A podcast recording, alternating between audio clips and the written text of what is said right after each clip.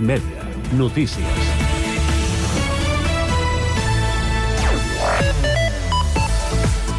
Bona tarda. L'inici del curs escolar 2024-2025 serà el dilluns 9 de setembre per a infantil, primària i ESO i acabarà el divendres 20 de juny. La data implica endarrerir el començament respecte al curs actual que va arrencar el 6 de setembre, el quart dia laborable de setembre. De moment, la Conselleria ja no utilitzarà més aquest criteri que es va aplicar l'any passat, però ha avançat que tampoc es tornarà a iniciar el curs després de la diada. Per als estudis postobligatoris com el batxillerat i la formació professional, el curs començarà el 12 de setembre.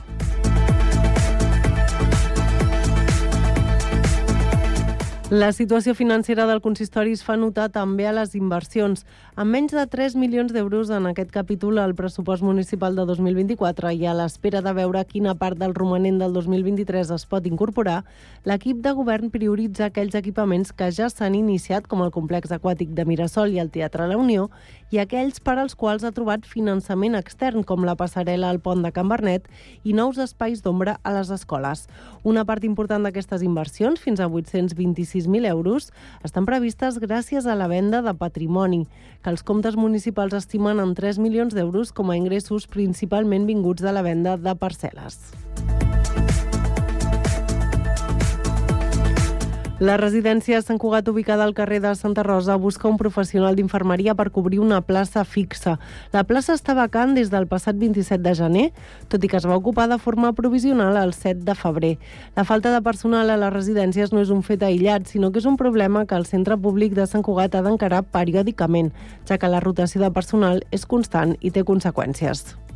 La part més important és com afecta l'usuari és a nivell de l'atenció centrada a la persona, que, que ja no tenen a la persona que referencien tant i que, bueno, que és la persona al final que et fa que, que tu tinguis la, la, la seguretat no? de que vas a, a ser atès la dificultat per ocupar les places de les residències és un problema generalitzat tant a Catalunya com a l'estat espanyol i és conseqüència principalment de la falta de reconeixement del sector i del conveni que el regula, que contempla unes condicions laborals i una taula salarial molt inferior al del personal d'infermeria dels centres sanitaris. L'Ajuntament de Sant Cugat ja ha obert el termini perquè les entitats proposin activitats per a la propera festa major que se celebrarà a finals del mes de juny de 2024. Les entitats i els grups de música de la ciutat que hi vulguin participar ja poden omplir el formulari fins al 4 de març. Res més per ara, gràcies. Cugat Mèdia, la informació de referència a Sant Cugat.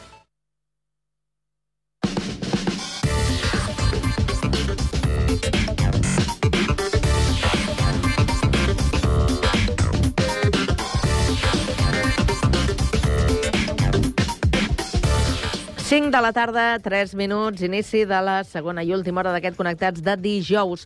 Informació de servei, començarem pel trànsit. Roger Serra, bona tarda. Hola, què tal? Bona tarda. En general, tranquil·litat en aquesta xarxa viària. És habitual aquesta hora, hi ha menys volum de circulació.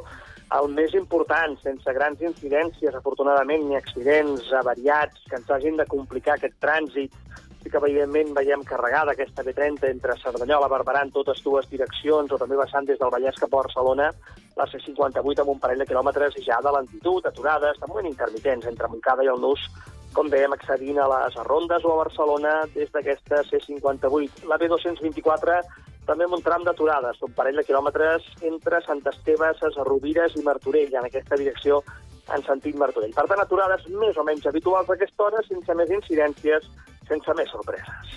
Gràcies, Roger. Bona tarda. A reveure, adeu-siau. I pel que fa al transport públic, anem al Transmet, Albert Garran. Doncs avui dijous, seguint la tendència d'ahir, parlem de normalitat a la xarxa de transport públic de l'àrea metropolitana. Els principals operadors de transport no han informat de cap incidència, així que les diferents línies funcionen sense cap alteració destacable, on es mantenen les freqüències i horaris habituals tant dels serveis ferroviaris com de la xarxa de bus. De moment això és tot des del Transmet.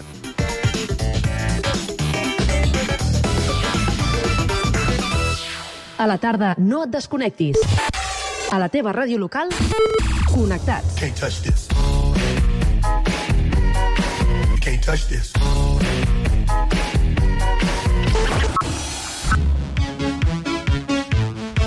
Can't touch this.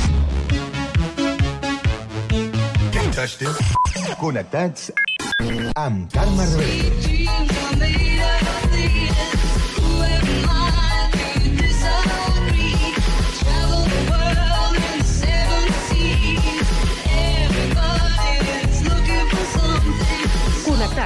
Una experiència radiofònica a Sabadell, Terrassa, Sant Cugat, El Prat, Castellà i Badalona.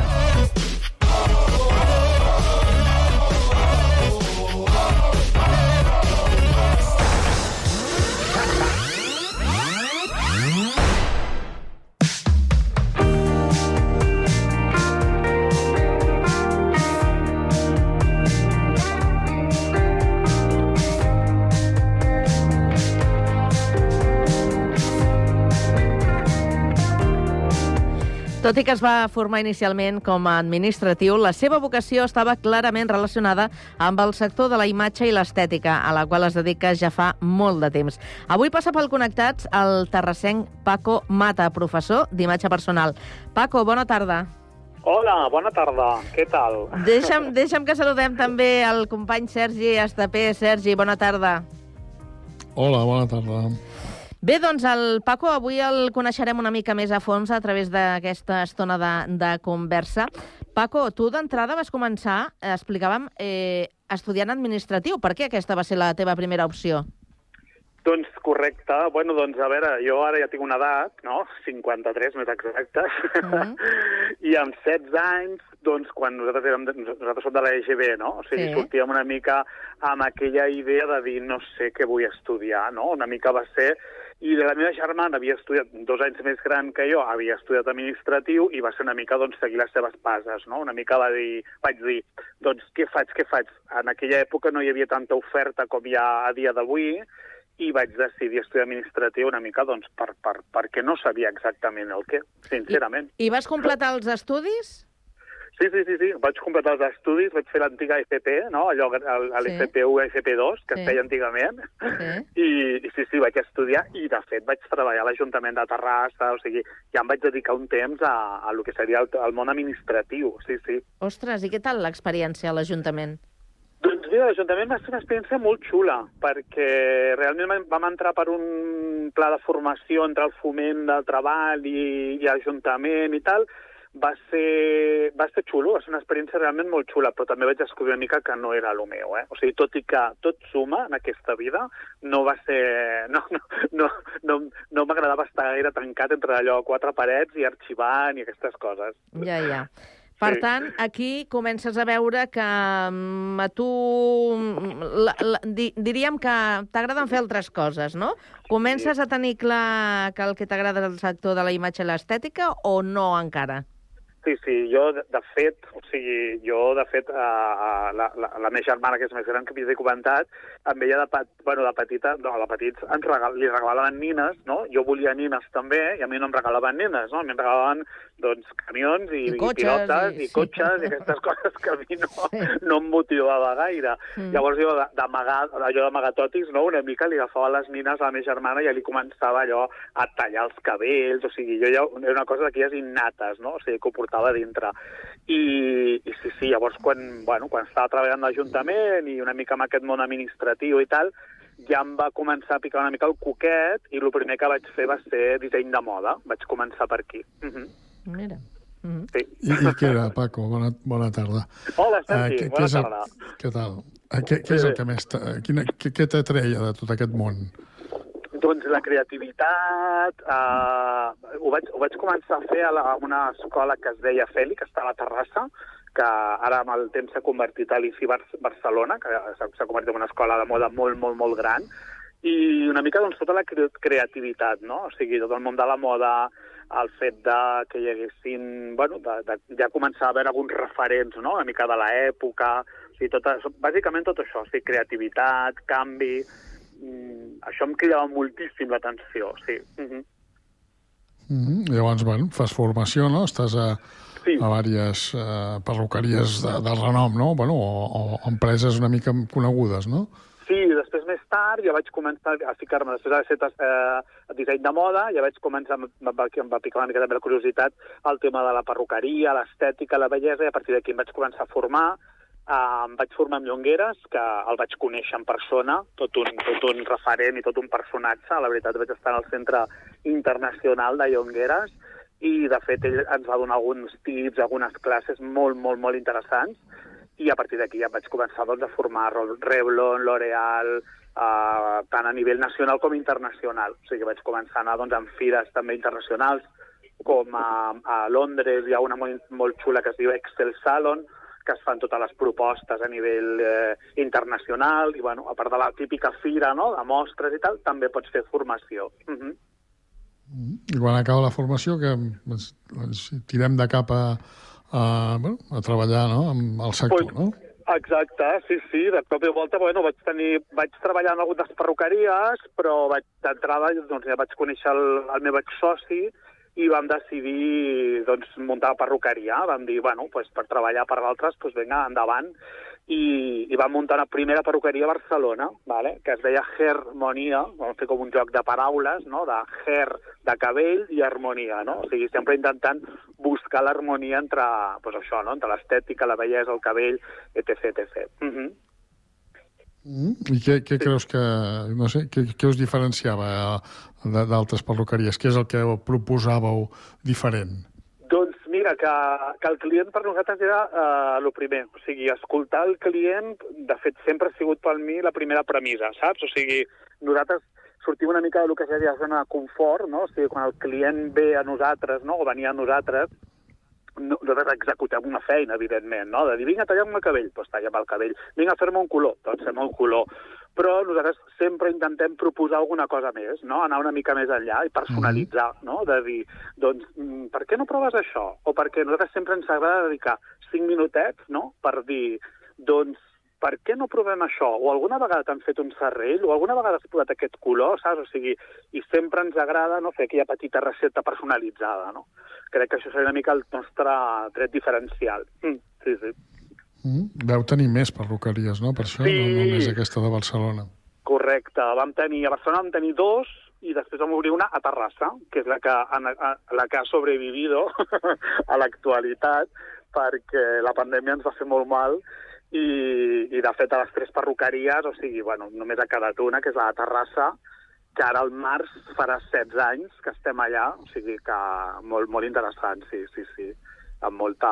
Ens ha costat molt mantenir-la, però allà estem. Estem a la Rambla, a Terrassa. Sí, sí. Uh, deies això, no? que la pandèmia realment va, inclús el segur, segurament a molts els va tocar de mort, però bueno, va fer, en el vostre sector va ser especialment cruel, no? Clar, pensa que nosaltres, clar, o sigui, primer que ens vam tenir tres mesos tancats, tancats i barrats, o sigui, va ser com també al principi, no? Uh, no hi havia, no, no, no, no, no quedava molt clar, no? Si érem de primera necessitat, si no érem de primera necessitat, si havíem de tancar, si havíem d'obrir, què havíem de fer.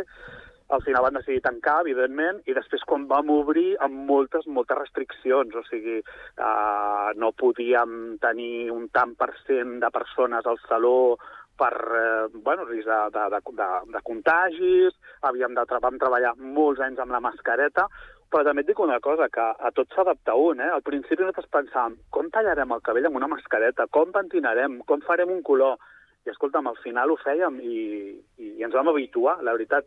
El que passa que ens va tocar molt, molt, perquè pensa que la nostra professió està molt connectada amb actes socials. Llavors, clar, evidentment, eh, es van, no es podien fer batejos, no es podien fer casaments, no es podia fer, clar, i tota aquesta... es feia teletreball, no? La gent treballava des de casa, no? Llavors jo crec que la gent, al final, quan vas a la perruqueria, no? Doncs quan tens un, un, un esdeveniment o quan t'exposes socialment, no? Pues tot allò es va acabar. I, evidentment, per nosaltres ens va fer molt, molt, molt mal. La veritat és que sí. Mm -hmm.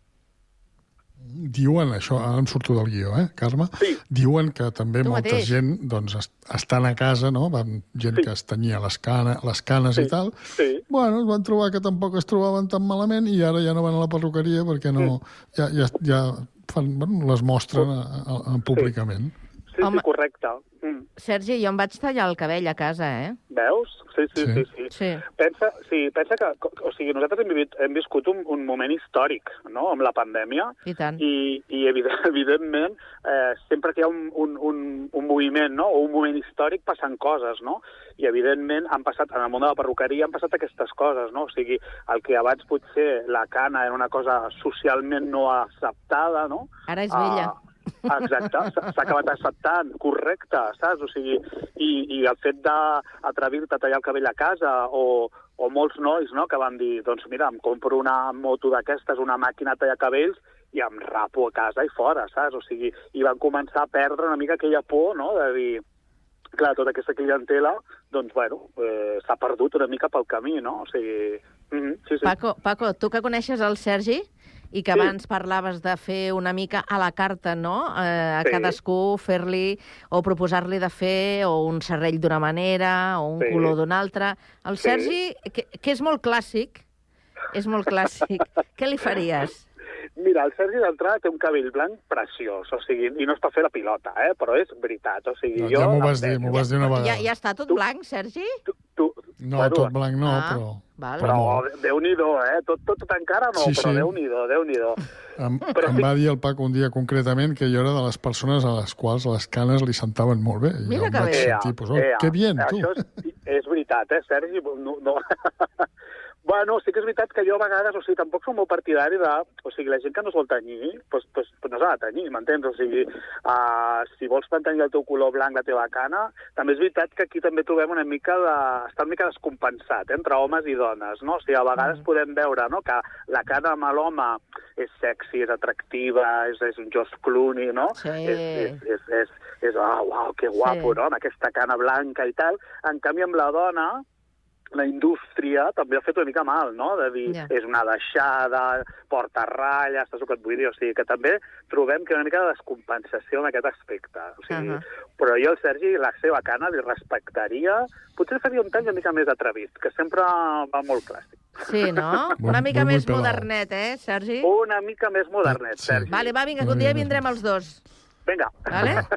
Et- Sí, Ah, sí. ah, Haig, haig de dir una altra cosa fora de guió també, que, que el Paco és, és... La ràdio no li és estranya. El Paco fa molt de temps col·labora amb un programa de la Ràdio Municipal de Terrassa que es diu El Submarí, que Sí. condueix la Mariona Tomàs, i ell té una secció setmanal. Eh? Vull dir que Sí, sí. els que ho esteu escoltant, hosti, que bé, el Paco es desenvo... eh, va bé, eh, aquí a la ràdio, doncs és perquè ja té fa, experiència. Eh? Clar, és com si... Ja, ja té la seva experiència. Si Gràcies. ti- Escolta'm una mica. Digues, digues, digues. Sí, digues, eh? digues. Digues.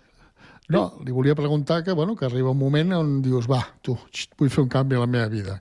Explica'ns quin canvi i per què vas prendre aquesta decisió. Doncs mira, a l'actualitat, i ara mateix estic aquí, he sortit a classe fa un moment, que m'han deixat els meus alumnes, estic treballant com a docent en un institut de Caldes de Montbui, eh, donant classes d'imatge personal. I, i, I també és una cosa que sempre m'havia agradat. La veritat és que és aquelles coses que sempre havia pensat ostres, algun dia m'agradaria, perquè també t'haig de dir que jo de petit era un, un estudiant pèssim, dolent, i no m'agradava gens Ens estudiar, assemblem, eh? ens assemblem. Llavors, mira, fa uns anyets nosaltres col·laborem amb el, amb l'IES Terrassa, vale? amb l'Institut de, de, bueno, de, de, de Terrassa, que fan imatge personal, i sempre havíem tingut nois i noies en pràctiques, no? fent les formacions en centres de treball, amb empresa col·laboradora amb la meva perruqueria de Terrassa. I un any, no? una de les mestres que em tenia així com molt feeling, va dir, ostres, et veig amb caràcter de profe. I vaig dir, ah, doncs mira, no sé, no m'ho havia plantejat mai, la veritat. O sigui, sempre havia tingut una mica en ment i tal. Però em va picar una mica el coquet. I sí que és veritat que a partir d'aquí doncs, vaig començar doncs, a fer una mica la formació i a preparar-me per començar a ser professor. I ara estic de docent i he aconseguit entrar a la Generalitat i bueno, estic treballant a, a Caldes de Montbui. Ja fa dos anys que estic aquí donant classes d'imatge personal i, i m'encanta, m'encanta, m'encanta. O sigui, és, és un temazo, com dic jo. Et va costar agafar els llibres un altre cop, no, per això? Sí, sí, correcte. No, no, i a més és que és molt curiós perquè, clar, tu, tu, comparteixes allò que saps, però també t'has de preparar i, i aprens a l'hora que ensenyes, no? O sigui, és una cosa com molt cíclica i molt xula, no? I, i, i, i a més, o sigui, avui en dia tenim recursos fantàstics per poder accedir, o sigui, tant internet com a, bueno, no sé, com, com qualsevol uh, bueno, qualsevol plataforma no? en la que podem accedir i tenir tota la informació. No? És molt més fàcil estudiar, estudiar a dia d'avui que no quan nosaltres érem joves. Bueno, parlant de plataformes, ets un, un... No sé si dir addicte, potser és exagerat, però ets molt aficionat al TikTok, no? Bueno, m'encanta, m'encanta. O sigui, jo el TikTok m'encanta i no, i no, i no m'amago, eh? O sigui, per mi el TikTok és... Uh, uh, uh, saps què passa? Que la gent, eh, hi ha molts detractors, no? La gent diu, ah, és que el TikTok només surt gent ballant i tal. Bueno, primer, que surti gent ballant a mi em sembla superbé, m'entens? O sigui, perquè alegren la vista i és divertit. I després, que l'algoritme és molt savi i, evidentment, et selecciona una mica allò que a tu t'interessa, no? O sigui, al final, i, i per mi és una enciclopèdia, o sigui, però reconec que em puc tirar dues hores mirant TikTok, o sigui, de veritat, sí, sí. No sé, m'entretén i, i aprenc, o sigui, la veritat és que és molt, molt interessant. Mm -hmm. Mm -hmm. Bueno, és com tot, no? Si saps triar, no? Correcte. Uh, mm. Sí, sí, sí, sí. La música, la música també, no? Ets Bueno, la música fan soc, soc un apassionat de la música, m'encanta Spotify, no puc parar d'escoltar, i m'encanta molt una plataforma que es diu Shazam o alguna així, que és aquestes plataformes, no, aquestes apps, no, que a vegades escoltes una cançó i dius, ai, em sona, o, o que xula, o tal, i la poses i t'identifica, no? I et diu, doncs aquesta. I, i he descobert grups que considero molt eclèctic musicalment, mentre el reggaeton, que no ho sento molt, no m'agrada gens, o sigui, més que res per les lletres, les lletres no m'agrada gens, però he descobert grups molt interessants, de veritat, o sigui, m'agrada moltíssim. La música, més que me la poso totes hores, al matí, per la tarda, per la nit, dutxant-me, pel, amb el cotxe, etc, etc, etc. Sí. Però quina, quina, quina activitat, eh, Paco? Quina activitat. Soc una mica hiperactiu. No, però se't veu, se't veu. Amb, amb, Sí. eh? Eh, per cert, eh, portes el cabell de color o no? No, ah, mira, ara, ara estic, o sigui, estic amb un look que, que, que, que era que tenia quan tenia uns 18 anys. O sigui, imagina't. O sigui, jo he fet una mina de regressió. Estàs amb un, estàs amb un, amb un estil clàssic ara, no? Amb un estic clàssic, una mica, sí, sí, de, de 18 anyets, no? Una cosa com molt clàssica, sí, sí, amb un serrallet, no sé. He fet una, mena, una regressió molt estranya, o sigui, no sé què m'ha passat. I escolta'm, Però sí. potser comoditat, no? Perquè un també Potser es cansa d'estar sempre... sí, sí, I, sí. I et anava a dir, eh, també et preocupes per... Eh, quan surts de casa, a veure què em poso, Sí. a veure què em poso, no? Uh, no, no em preocupa tant, la veritat, perquè no, amb aquest aspecte soc bastant relaxat, eh? O sigui, sí que és veritat que o sigui, m'agrada, eh? O sigui, m'agrada vestir bé, m'agrada canviar d'estil molt, o sigui, moltes vegades puc anar com potser més clàssic o més, uh, més modern o més, uh, més còmode, o sigui, m'agrada molt canviar. No, no tinc un estil molt, molt, molt definit. La veritat és que no, no em preocupa així tant, tant, tant, tant com per dir no puc sortir de casa si no em poso el què. Però sí que és veritat que m'encanta la moda i m'encanta descobrir nous dissenyadors, m'encanta anar, anar, anar a veure desfilades, m'encanta jugar amb la moda, m'agrada molt, sí, sí. Mm. Per, jo és que m'imagino, eh? Un Paco de dia, un Paco de noche, un Paco de migdia. Bueno, pot, pot, pot ser, eh? Pot ser, sí, sí. Vinga, escolta, hem d'anar tancant aquesta conversa Oh, i molt sí, bé. sí, sí, llàstima. I hem Llàstima. de, hem de punxar un tema musical que Sí. tu has triat. Quin, quin és? M'encanta. Bé, jo sóc superfan de Pastora, del grup Pastora, Ah. eh, i per mi després la Dolo Beltrán, quan es va, va, va anar per lliure... No me llames la- Dolores. El què? No me llames Dolores. No me llames Dolores, llámame Lola. Em sembla Ahà. fantàstic. I, I ara per lliure, la veritat és que em sembla que ha tret dos, dos àlbums ja d'estudi que són meravellosos i que jo sóc superfan. He anat als seus concerts, he parlat amb ella, sóc una mica grupi, eh? O sigui, aspecte. I, i, i m'encanta, m'encanta. I, I sí, sí, qualsevol tema de la Dolo eh, em posa les piles. Doncs eh, anem a posar les piles a l'audiència. Eh, els deixem amb aquest tema. Paco, una abraçada. Moltíssimes gràcies. Gràcies. Una abraçada. Que vagi molt bé. Adéu. Adéu. Adéu. Ciao. Adéu, Ah, Sergi, adéu. Sergi, tens una, Adéu. tens una visita pendent al Paco, eh? Va, sí. Sí? Vinga, bé. que vagi molt bé. Vinga. Adéu. Adéu. Adéu.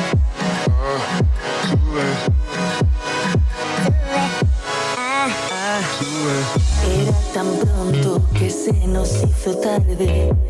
Salí a buscarte, pero no había nadie. Estaban escondidos detrás de cada hueso que te rompiste pensando en eso. Y se encendió la luz y empezó a llover y volvieron los 20 más fuertes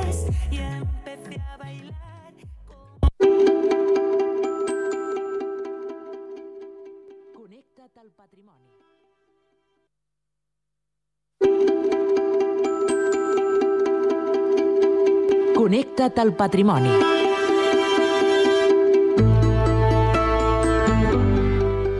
Aquest podcast és una producció de Ràdio Castellà.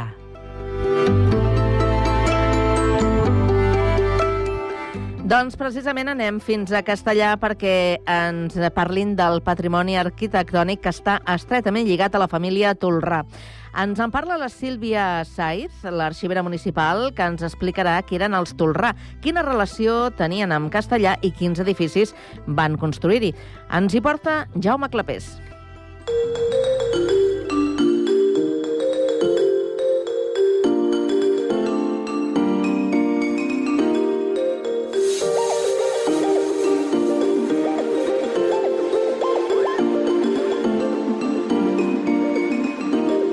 Hola, sóc el Samuel Clapés de Ràdio Castellà i estic amb la Sílvia Saiz, l'arxivera municipal. Es diu així, oi? Arxivera. Sí, sí, correcte. I doncs, t'he convidat perquè parlem una mica del patrimoni de Castellà. Uh -huh. En aquest cas hi ha un patrimoni arquitectònic molt evident, però com em comentaves, aquest patrimoni d'on ve?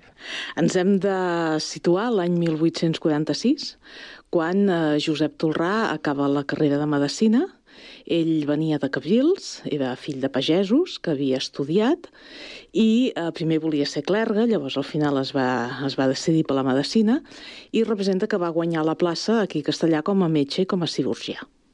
Llavors va arribar aquí a Castellà i, bueno, doncs era la seva feina. Mica en mica es va anar introduint en el món dels molins, que al voltant del riu Ripoll doncs, hi havia aquí a Castellà, i amb ell doncs, tot aquest, aquests processos de química i tal, doncs, bueno, li agradaven molt, i es va anar introduint en aquest món del tèxtil de, dels molins que hi havia aquí a Castellà.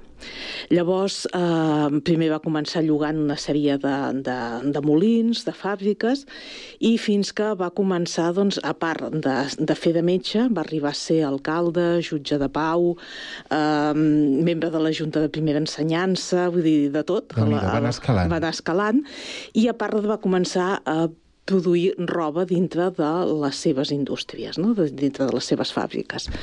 La, la gràcia de la, de, i, i, i l'auge de l'empresa Tolrà va consistir bàsicament en el fet de que en aquella època la roba blanca de seguida es tornava groga, amb el rentat i tal, i ell, com que sabia molt de química, va aconseguir que la roba blanca de la Tolrà es mantingués molt més temps blanca que totes les altres empreses. Ostres. I això va fer que, evidentment, doncs, guanyés uh, diferents medalles allò de- d'exposicions universals, tal, i que comencés a tenir la, la seva roba tingués molt prestigi. Jo, jo encara tinc llençols i, i coixineres. Molta gent. De- de- Pensa que poder fa 20 o 25 anys va venir una vegada una, una coral de Sant Sebastià i bueno, els hi vaig ensenyar no, l'Ajuntament i tal. I llavors em va, una em va dir, diu, los Tolrà són los de les sàbanes? Ostres. I dic, sí, i totes, quasi bé totes les dones que ja eren senyores de 60, 70 anys, em va dir, és que quan me casé mi madre, diu, la, la, las sábanas buenas eran de la Tolrà, i els hi va fer molta gràcia, no?, que, que, que, bueno, pues, que aquell, aquella Tolrà que ells sabien pues, que fos d'aquí, de, de Castellà. Clar, van lligar cap. Van lligar Que no? però bueno, que els hi va fer molta gràcia. Bueno, el senyor, el, el senyor Torrà estava casat, eh, però amb, amb la seva primera dona, que es deia Antònia Prims, però els fills que van tenir doncs, van morir a cap de, de, cap de poc temps de néixer, i la dona estava molt delicada de salut, i al morir es va casar amb la seva neboda, amb la Emília Carles Torrà. Això abans es portava molt, eh? Amb la neboda d'ella, eh? no Amb de la- la dona, de la seva mateixa Aviam, neboda. a la dona la cuidaven dues nebodes. Eh, doña Emília Carles per part del Josep Torrà i una neboda de, per part de la dona. Mm. Al morir, el Josep Torrà el que volia és que representa el patrimoni que ell havia creat, no? tot el que era l'empresa i tal, quedés en mans de la seva família. Mm -hmm. I llavors li va proposar a la seva neboda de casar-se amb ell. No? Mm. Però clar, eh, ell era un home de 60 i alguna i ella en tenia, no arribava a 30. Mm -hmm. Clar, era el tiet. Sí, sí. Clar, aquella època poder era més normal, ara no, evidentment, però abans, eh, bueno, al final es van casar. El que passa que el matrimoni doncs, va durar molt poc i no van durar res, 7 o 8 mesos, i no van tenir descendència. Llavors... Va durar perquè es va morir? Es va morir el senyor Josep Torrà. Clar, aviam, aquella època, 60 i pico d'anys, sí, era una sí. persona gran. No, clar, ara 60 i pico d'anys ets jove, sí. però abans era una persona ja gran. Llavors, la senyora Tolrà va deixar la, la fàbrica a mans del seu nebot, l'Emili Carles Tolrà, i ella doncs, eh, es va traslladar a viure a, a Barcelona, ella vivia, ells vivien al carrer Vergara, i llavors doncs, venia aquí a, a passar sobretot els estius, perquè aquí era més fresc, clar, era, era més saludable, i a mica a mica la senyora Tolrà es va anar convertint en la mecenes del poble allò que mm, tothom anava a demanar, no? fins i tot l'Ajuntament. Uh -huh. Penseu que, que Castellà no tenia ajuntament, per exemple, no? no tenia ajuntament i llavors doncs, a, a les reunions de l'alcaldia es feien a, a una habitació a casa de l'alcalde de torn. Llavors se li va anar a demanar aviam si podia, si podia construir un ajuntament. Llavors la senyora Torrà va comprar un cafè, que era el cafè del, del Porvenir, al, al carrer Major, i el va adequar eh, per convertir-lo en, la, en, la, en aquell moment es deia les cases consistoriales, no? en l'Ajuntament. Llavors, eh, les obres van començar l'any 1900, el 1901 eh, teòricament es van acabar, però bueno, es van continuar fent reformes fins a l'any 1918. Per tant, vull dir, la senyora Torrà ja va donar, per exemple, una, un, un ajuntament al poble. I sense cap tipus d'interès? No, sigui... no, no, no, no. Vull dir, ella representa que les obres eh, les pagava la fàbrica i eh, ella, doncs, això ho donava al poble. Ostres. No? Jo, era, jo, jo sempre dic que Castellà va ser el fill que no van tenir. Mira. I, i, i allò que, bueno, ho volcava tot van invertir. Eh, amb, el, amb, amb el fill, sí, no? Sí. Sempre, sempre ho dic. Uh, una altra de les coses que la senyora Torrà va fer va ser construir safetjos. Josep Torrà va fer portar l'aigua al poble. En aquell moment no hi havia, evidentment, les cases no tenien aigua potable i eh, fins, fins que, que va arribar el senyor Torrà es havia d'anar a buscar l'aigua al riu. Ell va fer construir tres fonts perquè l'aigua arribés, l'aigua potable arribés al, a la població. Però clar, si es havia de rentar la roba, qualsevol cosa, es havia d'anar al riu. Llavors, eh, la senyora Torrà va fer construir els safetxos, que estaven, situ estaven al carrer Major, al, a, seguint el carrer Major avall, el que es coneix amb la baixada de Calverge, uh -huh. que seria ara l'actual Calissó, va. i allà hi havia uns afetxos perquè la gent pogués anar a rentar la roba i no s'haguessin de traslladar fins a baix al riu per rentar-la. Llavors, eh, la senyora Tolrà mm, també va construir l'església. Mm? Uh, Castellà tenia, havia tingut una església romànica molt petita, dedicada a Sant Iscle i Santa Victòria, que eren els antics patrons de Castellà, però eh, evidentment era molt petita. Quan es, va, eh, quan es va deixar abandonat Castellà Vell, es va construir una nova església barroca, però eh, a finals del 18, però clar, mica a mica, i sobretot a partir del moment en què la fàbrica comença a tenir eh, importància, comença a arribar gent i treballa no només gent de Castellà, sinó també gent de, de les rodalies, doncs eh, fa que la població augmenti, aquesta església barroca queda petita. Uh -huh. I es demana també a la senyora Tolrà, aviam si pot construir una església. Hem de pensar que la senyora Tolrà tenia a, les seves ordres un arquitecte que s'ocupava de les obres de la família, que era l'Emili Sala Cortès, i també sempre l'acompanyava un capellà, que era el doctor Pujol. Mm? Llavors, doncs, eh, el, el, el, representa que ella va, es va, va, va tirar endavant les obres de l'Església. Eh, a l'època van, van passat a euros eh, serien uns 4.500 euros que va, que, va, Ostres. que va costar l'Església. Ostres, que barata. Sí, molt econòmica. Perquè um, aquí li diem la Catedral del Vallès. Exacte. Però no sé si és una cosa dels castellarencs. És, aviam, és, es diu la Catedral de, del Vallès perquè en aquell moment eh, no hi havia a, a tot el Vallès una església, diguem-ne, tan gran i tan majestuosa com aquells. Uh -huh. Penseu que uh, hi havia un orgue que era igual que l'orgue que hi ha encara a Montserrat. El que passa que aquí pel, per la guerra es va, es va cremar. Llavors tot el que era el teginat del sostre, les, uh, les capelles, uh, les, tot el que hi havia era al·lucinant, eh? era molt maco. I llavors, doncs, ja et dic, l'orgue era igual que el de Montserrat, que va costar molts, molts diners, no? I, eh, evidentment, doncs, això, no?, per la majestuositat de l'obra se li va dir, i, i, i per la grandària que era. Clar, passar d'una església barroca al que era l'església com a tal, doncs, era, era molt important. I llavors, doncs, per això se li va dir la catedral, que encara ara, si es compara amb la catedral de Terrassa, Terrassa, que mm. el seu bisbat Terrassa eh, és la catedral, eh, no sé si és el, el, les nau o alguna cosa és més gran la d'aquí Castellà sí. que no la de Terrassa. Eh? Vull dir que, bueno, pues, uh, i la senyora Tolrà, vull dir, com que ella, aviam, ella podia ser moltes coses, però una dona molt humil, va dir que quan estiguessin les obres fetes, ella personalment va escombrar tot el que era l'Església en senyal d'humilitat, no? Oh. que encara que ella que l'hagués pagat i tot el, tot el xou aquest, doncs que ella era una persona com una altra i que també volia aportar Uh, vull dir, volen dir que jo també he fet alguna cosa i ella sola va escombrar tot el que era la, el sostre, de, ai, el sostre, el, el terra de, de, de l'església. Llavors, què més va fer la senyora Tolrà? Va fer construir també unes escoles. Mm? Aviam, aquí a Castellà, com, com a tal, no hi havia escoles. Hi havia escoles doncs, amb cases particulars, amb aquestes cases angleses, eh, que era un passadís llarg amb habitacions al costat. El que passava que aquestes, aquestes, aquestes cases eren poc adequades per una escola. Imagina tenir allà 20, 30, 40 nanos amb un pati petit, sense llum, sense pràcticament res. No? Llavors, eh, també es va demanar, aviam si es podria construir unes escoles. Llavors ella va comprar el els terrenys, que representa que eren a les afores del poble, i amb uns criteris que a l'època hi deien higienistes, eh, es considerava que els nens havien de créixer com les flors, a base de sol, d'aire lliure, de claror, eh, i llavors doncs, va fer construir les escoles eh, que llavors se li van dir del patronat Tolrà, i eh, representa que bueno, eh, el pati ara encara li dona el sol tot el sant dia. Eh? Per què? Perquè els nens havien de créixer amb, amb sol, els havia de tocar el sol. Per això va fer doncs, la, els sostres superals, amb finestrals, eh, que, que pogués córrer l'aire, amb un gran pati, que encara és l'actual. Estem no? parlant de l'escola Emili Solrà? No, estem parlant de l'escola de, de, les monj, de les monges. Ah, vale, de les monges. Eh? Eh?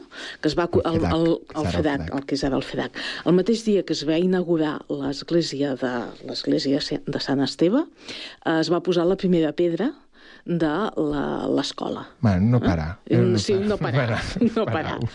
Eh? I llavors, doncs, bueno, doncs, en principi es va fer aquesta. Més endavant, l'any 1934, el, el, el nebot, eh, l'Emili Carles Tolrà, inaugurava les escoles de l'Emili Carles. Eh? Representa que eh, el, el mateix que havia fet la seva, la seva tieta, ho va fer ell. Eh? Representa que a Castellà les úniques escoles que hi havien, eh, no hi havia cap escola escola laica, les, les escoles de les monges ho portaven monges, i llavors, eh, ja en parlarem, unes altres escoles ho portaven capellans. Llavors ell, el 34, va donar també els terrenys del Camp Senyor per construir aquestes escoles, i va haver un grup escolar per nens i un altre per nenes, eh, amb un director laic, amb un personal laic, i llavors, doncs, el 34, el 23 de setembre, es va inaugurar les escoles del, de l'Emili Carles, eh, que encara ara també funciona. Clar, que quan has dit aquest tipus de... l'estructura que havien de tenir, que tal i qual, que els havia de donar el sol i sostres alts, he dit jo que he anat a l'Emili Carles, dic això, sembla també. que estiguis definint... Bueno, perquè l'arquitecte, l'arquitecte de totes les obres de la família Tolrà era l'Emili, era obra de l'Emili Carles, ah, de l'Emili Sala Cortès.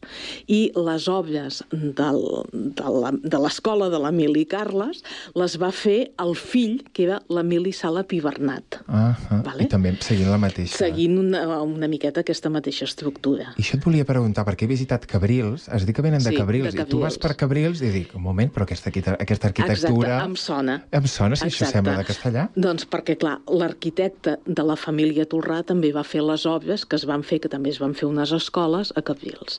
I llavors, doncs, l'arquitecte és el mateix.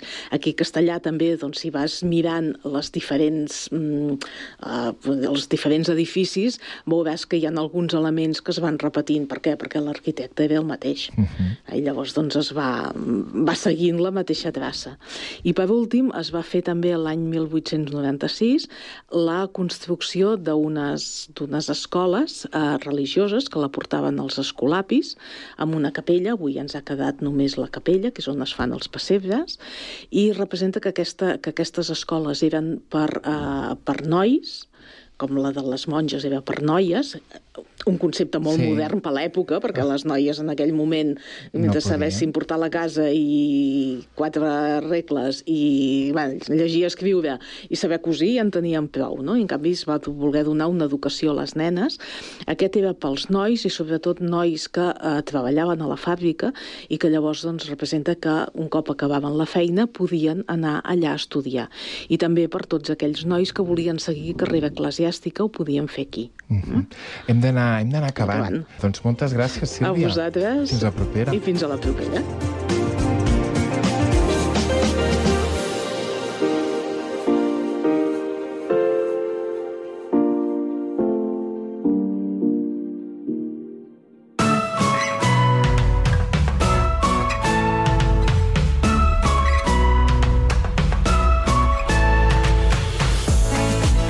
La tragèdia de Manon Lescaut inicia l'homenatge de la Fundació Òpera Catalunya al compositor Giacomo Puccini. El muntatge s'ha estrenat aquest dimecres a les 8 del vespre al Teatre de la Faràndula de Sabadell. Anem fins a aquella ciutat. Pau Duran, bona tarda. Bona tarda, doncs mira, ja som a l'estudi amb el Jordi Torrents, que a banda de ser el presentador del Parlem d'Òpera d'aquesta casa, també és membre de la Fundació Òpera Catalunya i va assistir a l'escena d'ahir. Gràcies per venir, Jordi. Gràcies a tu per convidar-me. Com va anar això, aquest dimecres al vespre, aquest Manon Lescaut? Va anar molt bé, molt, molt, realment molt bé i sempre els dimecres a vegades doncs, al ser la primera sempre hi ha alguna coseta que dius, bueno, potser seria l'assaig general definitiu, però no. Ahir va anar, per mi, perfecte. Va, va estar molt bé, de veritat que sí. Es veu un muntatge per les fotografies que hi han pogut veure a les xarxes socials, ostres, mm, Sí. d'aquells amb cos. Eh? Sí, sí, el, el, el, el muntatge és molt corpori i realment és així... Eh, no diré ostentós, perquè, però sí que no li falta de res, eh? és tot una construcció clàssica, vull dir que, no, mm, que ningú esperi res estrany, sinó simplement doncs, la descripció dels llocs on passa cada, cada acte. El, vaig escoltar l'altre dia que el, es deia que del el Manon Lescaut la gràcia una mica és que el Puccini va trobar com el filó, no? de dir, ostres, mira, si armo així la història i mm. poso el personatge femení al centre d'aquesta manera, una mica l'asa dels cops, no? Sembla que això té tirada pel públic. Mm, bé, a veure, Manuel Lescaut és la seva tercera òpera i la primer, el primer gran èxit, les dues que va fer abans, doncs no, no va tenir un gran èxit i, en canvi, a partir de Manuel Lescaut, sí, a veure, descobrir el filó, Bueno, uh, ja sabem que Puccini doncs, sempre, uh, la majoria de les òperes presenta unes heroïnes enamorades, tot molt... No és, una òpera, no és òpera romàntica, això és per romanticisme, però bueno, és allò que el que entenem doncs, per històries romàntiques no? D'amor, d'amor intens, i que sempre acaben doncs, pringant, si em permets la cruesa de la paraula. I tant. La Manon Lescaut mor allà d'absoluta fatiga en un desert. Després va venir la... que va venir després la Bohème, la Mimi, doncs mor tu- tuberculosa. Després va venir la Tosca, que mor estimbant-se des de dalt de, d'un castell. Després la Butterfly, que es fa a l'Araquiri. Mm, després, després va venir la Rondine, que aquesta no mor ningú, gràcies a Déu, i la Fanxola de West tampoc, perquè allà la senyora, la noia no és una bleda, és una empoderada, saps? I, i treu els dallonses i, i acaba bé. mm, clar, llavors tens la, la Turandot al final, que mora una, l'altra no, les, el tríptic, que hi ha una còmica que allà no mora ningú, la Suor Angèlica, evidentment que sí, que... Bé, que sí, diguéssim, el que la gent entén una mica per Puccini, o quan li parlen de Puccini, que és això de històries amb, amb heroïnes femenines molt, molt marcades, però que acaben sucumbint a la, a la fatalitat per diverses raons. Doncs sí, Manol és la primera. És la primera. Um, si mirem aquest muntatge, ja no en el context de la Fundació Òpera Catalunya, sinó mm. amb tota l'associació dels Amics de l'Òpera i la seva trajectòria, sí. uh, s'havia fet abans? Ha sí. servit alguna cosa de pòsit? Uh, sí, es va fer l'any 2017, o sigui, ara, per aquesta mateixa època, fa set anys, ja el temps passa d'una manera que és brutal, perquè per mi és com si fos ahir, però va ser el 2017, quan encara érem Amics de l'Òpera Sabadell, no existia la foc encara aquella, aquella època, i sí, evidentment, tot ha servit perquè la producció que es va fer aleshores el que han fet ha sigut una uh, aprofitar-la um, hem fet una reposició perdona, és que ara em sortia la paraula, la tècnica és reposició d'una producció que ja teníem eh? Vull dir que quan es fan produccions doncs no són d'usar i tirar són de guardar-les i rescatar-les més endavant Quines coses creus que són el, els punts forts, allò, el, el, els highlights de dir, mira, eh, sigui aquest divendres o aquest diumenge o hi ha els altres set municipis de Catalunya per on mm. correrà, per què s'ha d'anar a veure aquest Manon Lescó? Bueno, no sé per què li dius en masculí si és uh, aquesta. Tens raó. Perquè la Manon és ella. Penso en el muntatge i tant la protagonista com l'òpera són Saps? femenines. No, hi ha una raó. història que no sé si és un acudit o és una història real que diu, un, diu, bueno, diu ara acaba l'òpera i ara me, finalment me doy cuenta que Manon és ella. és ella. um, em deies el punt fort. Mira, jo penso que Manon Lescó, el punt més fort és la música, la complexitat de la música i el cant um, jo diria que és l'un primer marca de fàbrica. Llavors la història, la història que explica és molt interessant, és una història francesa del segle XVIII eh, que transcorre cap als voltants de 1720 i suposo la gent sap que o bé si van escoltar el Parlem d'Òpera últim doncs... Uh, Quin és el capítol que hem d'escoltar perquè ens el faci... 554, si no recordo malament, sí. Vinga, al web de Ràdio Sabadell el teniu, eh? O si sí. no, a les xarxes socials, també. Allò vaig explicar el més bé que vaig poder, amb la limitació horària, no? que d'aquesta novel·la de la B. Prevost, que és el senyor que era un eclesiàstic, era un capellà, doncs se n'han fet quatre òperes no només la Manolesco de Puccini, sinó que primer es va fer una Manolesco d'un compositor francès que es deia Aubert, Daniel Aubert, de l'època de l'òpera còmic, és a dir, còmic amb diàlegs parlats. Eh, llavors va venir la també molt coneguda versió de Massenet, que aquell es diu Manon a seques, i el Manolesco de Puccini i finalment una doncs, molt més moderna que és eh, Boulevard Solitude de Hans Werner Henze que està ambientada en el París de la postguerra. Però la història és la mateixa. Clar, aquí ens pot eh, xocar algun punt de la història perquè aquesta senyora la desterren a la, a, a la colònia francesa que tenia en aquell lloc, aquell moment a Amèrica, que era la Louisiana. La desterren a la Louisiana eh, per prostitució clar, dius, avui en dia dius, mm, home, no, a ningú, a ningú el desterren o la desterren per prostitució, no? Clar. Són, són coses que xoquen, però no són coses de l'època, s'ha d'entendre des d'aquest punt de vista. Aleshores, doncs, però la història és com molt genuïna, no? Perquè és un amor a primera vista, i és un amor, jo el considero una, una espècie de símbol de la joventut, només cal escoltar doncs, l'àrea del tenor quan ha conegut Manon i diu, jo no he vist mai una dona com aquesta. I és una àrea preciosa. I eh, tot el desenvolupament de la història. Ella és una noia doncs que té una certa tendència que li agradi la bona vida és que la bona vida doncs, eh, bé, cau, com que és molt bonica, molt guapa doncs cau en mans de desaprensius mm, que la tenen de mantinguda i, però la història d'amor genuïna amb el Degrie que és l'heroi continua i dura tota l'òpera i al final ella diu, diu els meus pecats seran oblidats diu, però el meu amor no morirà mai I això és la, la base de la història, que jo penso que en la de Massenet està més ben explicada, perquè el llibret, clar, per adaptar un, d'una novel·la llarga, doncs has de fer un llibret d'òpera, has de condensar molt, no? I penso que la de Massenet està més ben explicada en el sentit de que hi ha més episodis que pots anar seguint més la de, la, la història. La de, la de Puccini, i la prova és que el llibret d'aquesta òpera va ser una espècie de calvari fer-lo van intervenir pf, no sé quantíssims mm, no sé quantíssims llibretistes però bueno, al final van fer això que són com quatre episodis. L'episodi inicial que també veiem Massenet que és la, quan es coneixen eh, el, amb una posada a la ciutat d'Amiens que està al nord de París. El, segona, el segon acte doncs, la, ja trobem a la Manon com a mantinguda d'un ric d'un vell ric a París. A Massenet hi ha un episodi intermig que veiem com eh, els dos joves viuen junts. Ah! Pobres.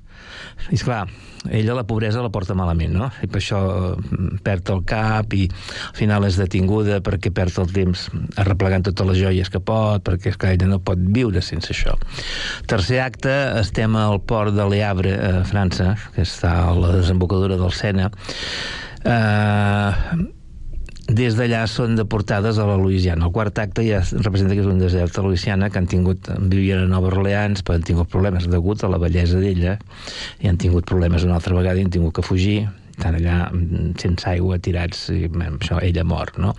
A l'òpera de Massenet, el tercer acte, doncs, és tot una celebració de la bellesa de Manon allà al mig de París, i tothom adorant-la, etc etc. El quart acte, o sigui, la, la segona part del tercer acte és la reconciliació dels dos, quan ell està a punt de fer-se capellà. Uau. Sí, al quart acte ja l'escola detenen perquè es dediquen a jugar per, per obtenir calés, i el cinquè acte no arriba a la Louisiana, perquè representa que és el camí de l'Eabre i ella mor allà abans d'arribar, que no, no, no arriba a Amèrica, no?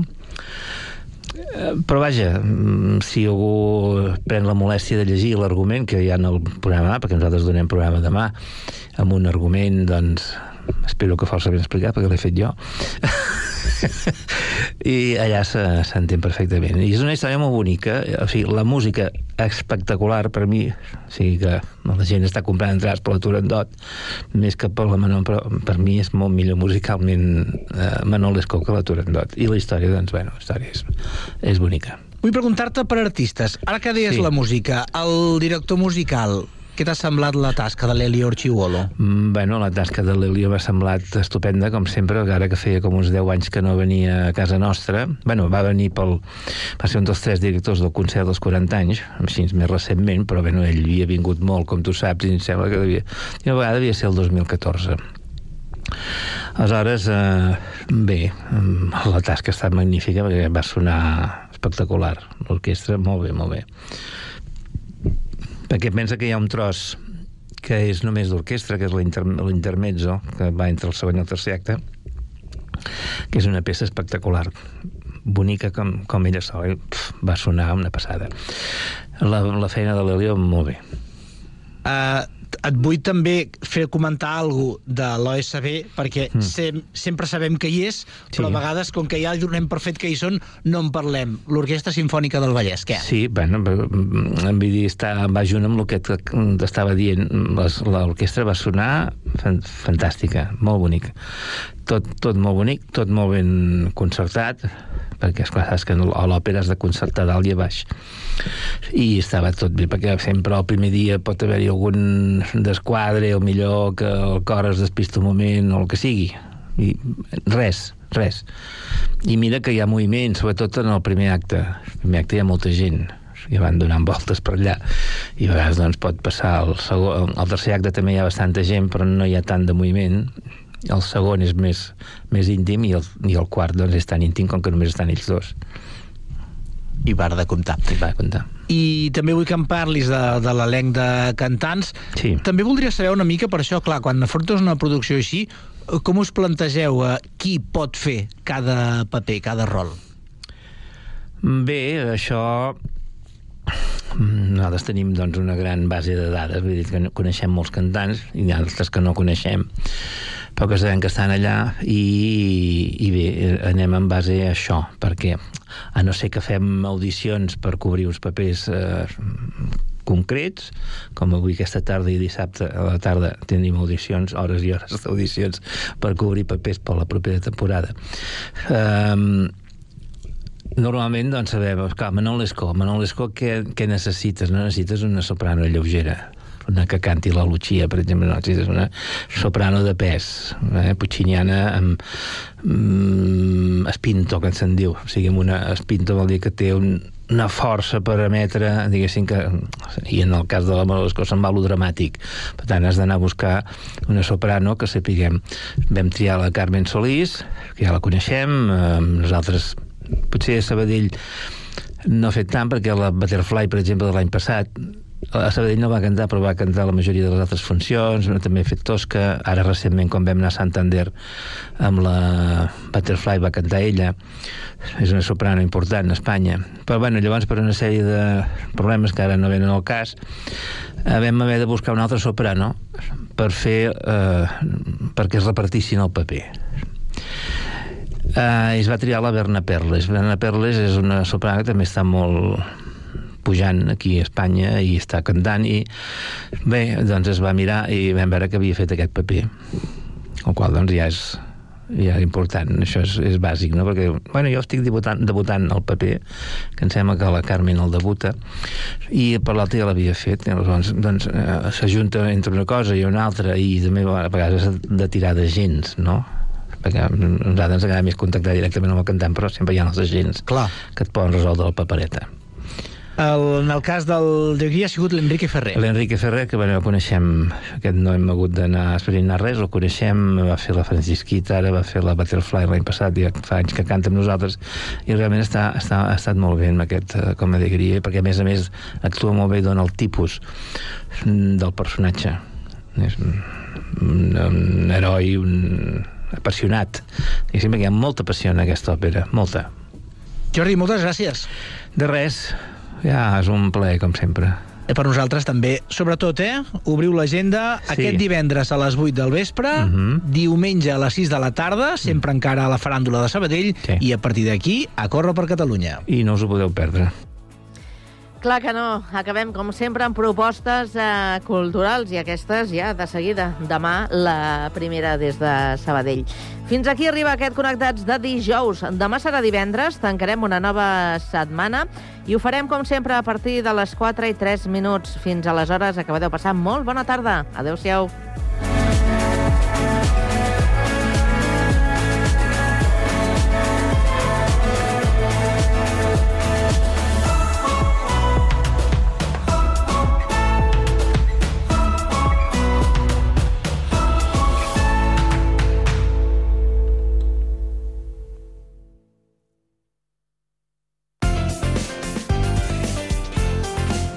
Ràdio Sant Cugat. Cugat la Mèdia. sonora de la teva vida. Jukebox de nit.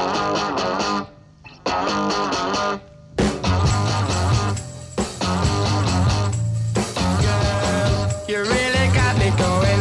You got me so I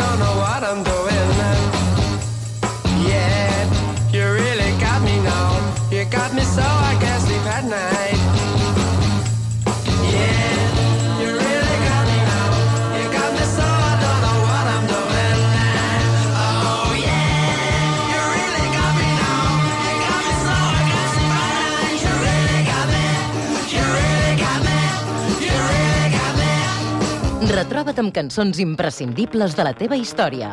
Jukebox de nit.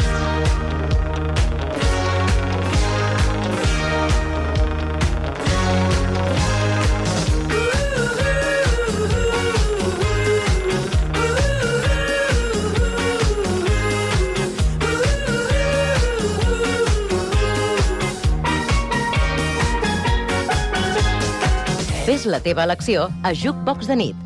Musicals arroba cugat.cat. Yesterday, all my troubles seem so far away. Now it looks as though they're here to stay. Oh, I believe in yesterday. Suddenly, I'm not.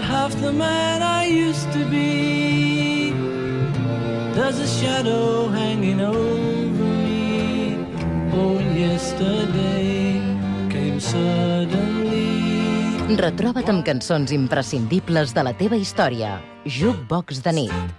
Cause I'm having a good time, having a good time. A shooting star leaping through the sky like a tiger, defying the laws of gravity. I'm a racing car passing by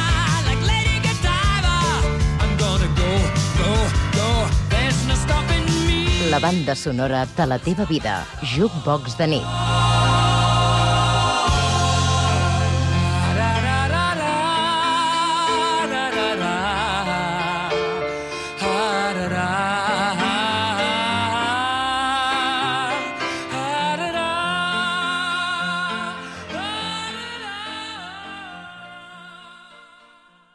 La banda sonora de la teva vida.